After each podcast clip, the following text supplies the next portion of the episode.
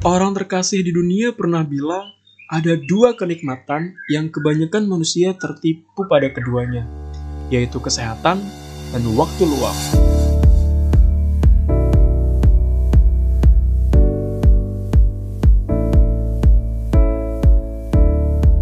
Assalamualaikum warahmatullahi wabarakatuh. Halo sohib-sohibah semuanya.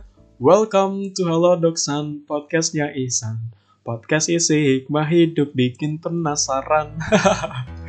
Lagi viral ya urusan halo eh halo welcome to Indonesia ini. Semoga bukan cuma jadi nyinyir netizen aja terhadap Indonesia tapi bisa melahirkan kritik-kritik yang konstruktif gitu ya.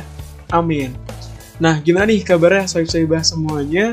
Hari ini hari Jumat dan kebetulan tadi khutbah Jumatnya berbicara tentang bulan Zulhijjah. Artinya bentar lagi hari kurban sebuah bulan yang mengajarkan pengorbanan ya sob. Sama seperti biasanya kita berkorban mati-matian buat belajar gitu ya pas mau ujian dan berharap besok bisa melalui ujian tersebut dengan baik.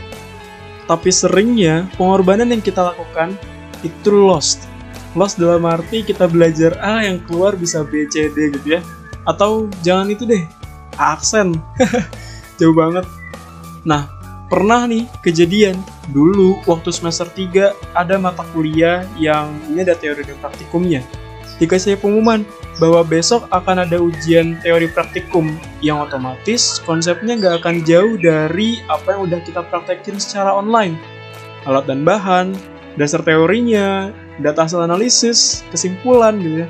Eh tahu-taunya pas hari H, soal yang keluar adalah soal-soal teori.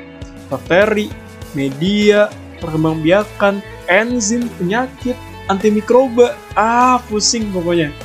Alhasil, nilai satu angkatan itu jelek. Jeblok ya. Ya emang biasanya juga gitu sih, tapi ini sih terlalu parah. Untung cuman ujian di kampus. Coba bayangin kalau kita salah belajar pas diuji dalam hidup. Wah, bisa berabe ceritanya. Berabe bibir dan tenggorokan ikutan kepedesan karena makan cabai. Soib-soibah, pernah nggak merasa cerita yang mirip-mirip kayak gitu? Salah belajar, apalagi ujian hidup tadi. Isan pernah? Mau tahu ceritanya? Akan Isan ceritain di podcast ini. Tapi sebelum cerita, ada satu lagu merdu gitu ya, dari sisir tanah yang ngasih tahu kalau kita ini manusia, dia ragu, riuh, dan tak mampu. It, lagu Pejalan by Sisir Tanah. Siapakah kita ini manusia yang dalam diam riuh, ragu dan tak mampu. Ada rahasia tidak rahasia. Ada di sini, ada di situ, diseret-seret waktu. Kita berjalan saja masih terus berjalan. Meskipun kita tak tahu berapa jauh jalan ini nanti Dan kita tak juga rela tunduk pada jarak Dan kita tak juga rela tunduk pada jarak. Kita berjalan saja masih selalu berjalan. Meskipun kita tak kunjung tahu ujung jalan ini dan kita tak juga kan terhenti Selalu berjalan Dan kita tak juga akan terhenti Selalu berjalan Yes, ada rahasia dan tidak rahasia. Bahkan ada rahasia di balik rahasia. Ada hikmah yang salah dirajut menjadi hikmah. Seperti cerita Isan yang ternyata salah belajar. Salah merajut hikmah. Udah siap? Begini ceritanya. Soib saya ingatkan, waktu akhir bulan Februari lalu, Isan kecelakaan motor yang menyebabkan dua tulang tangan kiri, metacarpal sinistra Isan yang ketiga dan empat itu patah. Dan akhirnya, ya di gips gitu ya. Kaki kiri pun ikutan dijahit 9 jahitan. Betul, ceritanya berawal dari sini Sobs. Ceritanya mengandung beberapa hikmah sih. Hikmah apa sih yang diambil? Ada beberapa poin yang tercatat di jurnal pribadi. Begini, Poin 1. Isan harus lebih aware sama motor sendiri. Kalau ban kempes, tang bengkok sedikit pun harus dibawa ke klinik motor, nggak boleh dipakai. Ke bengkel dulu, benerin dulu. Yang kedua, Isan harus bisa fokus sama jalanan, jangan terlalu senang, apalagi nyanyi sambil joget-joget di motor jalan ngebut. Yang ketiga, kalau kata Mail, teman asrama, dia bilang gini, San, mana nggak boleh asal upload sesuatu di story. Everyone is watching you. Alasan Mail cuman gara-gara viewer story-nya Isan udah hampir 800-an orang. Padahal story itu cuman sebatas pengumuman kalau misalnya kalau sebenarnya Isan itu kecelakaan seminggu yang lalu dengan hasil tangan yang patah dan jahitan kaki. Tapi terserah gitu. Pakai fitur-fitur di Insta Instastory ya kreatif dikit lah ya. Mikir dulu gitu baru orang tahu oh ternyata si Isan habis kecelakaan gitu. Poin keempat, si Mel juga bilang, ini saatnya San, Maneh sekarang belajar dan tahu mana yang peduli sama Maneh, mana yang enggak. Maksudnya Mail tuh, mana temen lo yang beneran teman dan mana temen lo yang temen bohongan gitu, fake friends. Karena mereka nggak akan peduli bahkan sekedar tanya kenapa San pun enggak. Poin kelima, percaya surat cinta urutan kedua di buku panduan hidup kita dari Allah ayat ke-286 kalau kita tidak akan diberikan ujian yang melebihi batas kemampuan kita ya ya udah berarti Isan lagi di upgrade gitu ya. Poin keenam, kalau berobat sama dokter ataupun fisioterapis harus sepenuhnya yakin sama mereka. Jangan karena Isan mengetahui farmakologi dan anatomi jadi sok tahu dan gak percayaan sama orang. Karena ini bisa menghambat proses penyembuhan. Sugestinya nggak nyampe gitu loh. Sampai tiga kali kontrol luka jahitan belum juga bisa dibuka. Dan dua kali ganti dokter. Poin ketujuh, Gak semua dosen baik hati dan mengerti keadaan kita. Ini rahasia kelompok praktikum. Dan poin terakhir, Yasan harus lebih bersyukur dengan nikmat sehat. Seperti tadi ya, kata-kata orang terkasih, karena kecelakaan itu jadi serba terbatas. Sholatnya duduk, mandinya ribet, bahkan praktikum bengkokin kawat doang nih, tangan sampai berdarah-darah. Begitu. Terus hikmah mana yang Isan sebut salah belajar? Itu tuh, hikmah di nomor 4 tentang friendship. Walaupun banyak keluarga, tetangga, teman-teman rumah, bahkan BPM tercinta yang menjenguk Isan ke rumah, tapi ada satu circle Isan yang mereka nggak datang menjenguk.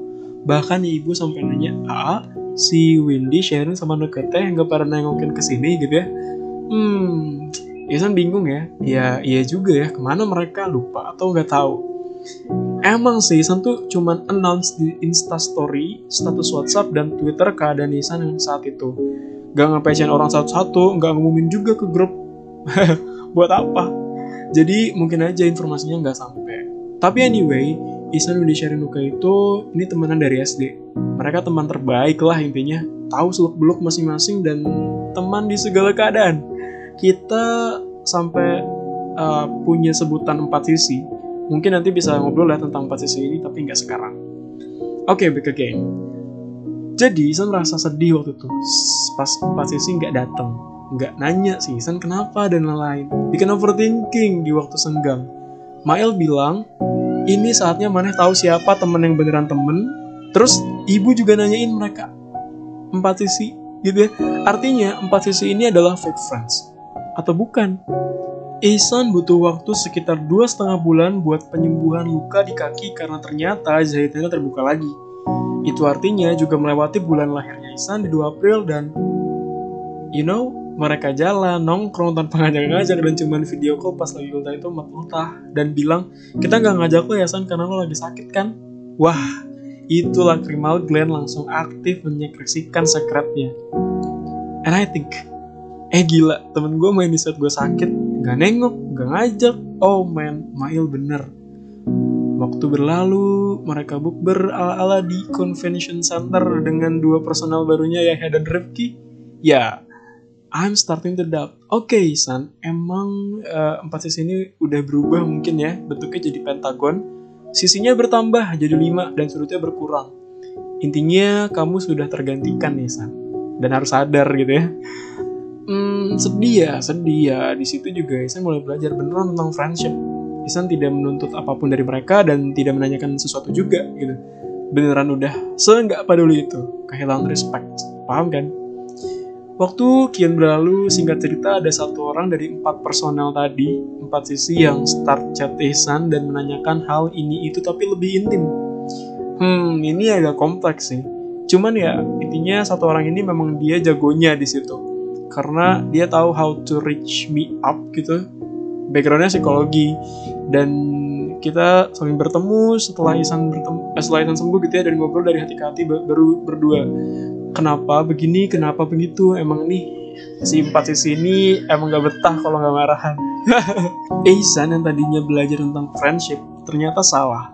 Seharusnya Ihsan belajar tentang komunikasi. Iya communication.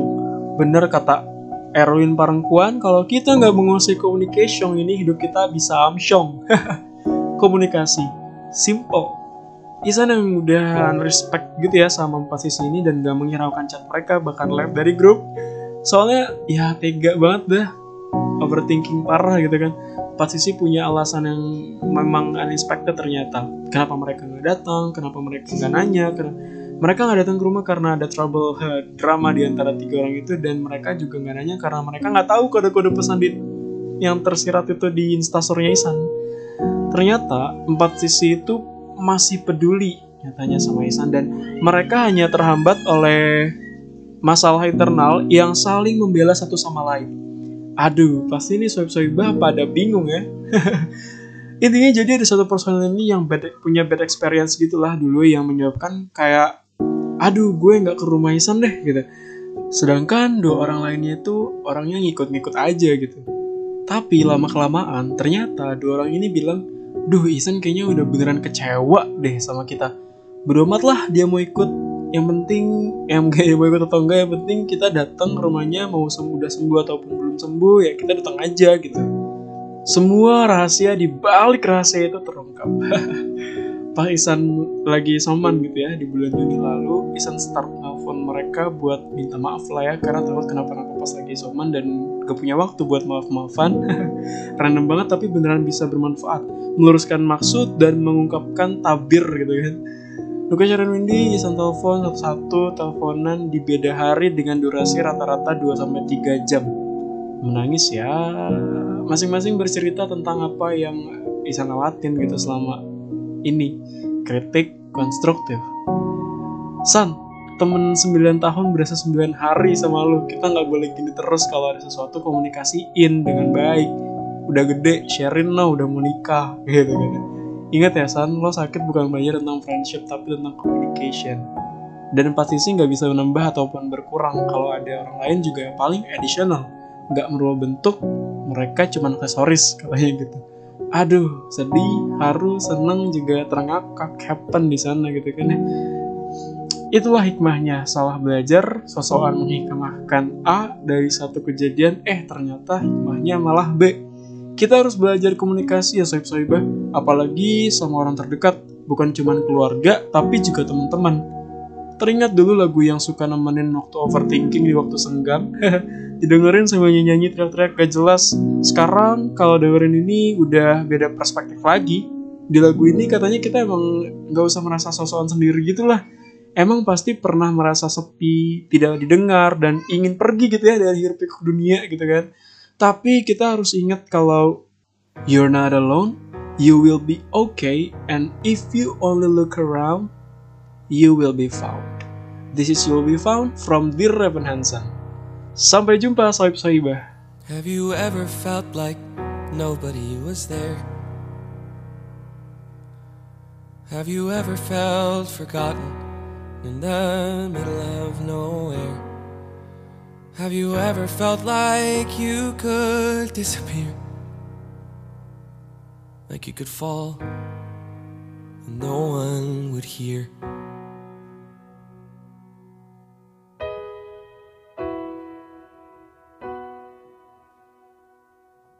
Well, let that lonely feeling wash away. Maybe there's a reason to believe you'll be okay. Cause when you don't feel strong enough to stand, if you can reach, reach out your hand. And oh, someone will come running, and I know they'll take you home. Even when the dark comes crashing through, when you need a friend to carry you, and when you're broken on the ground, you will be found. So let the sun come streaming in, cause you'll reach up and you'll rise again. Lift your head and look around. You will be fine.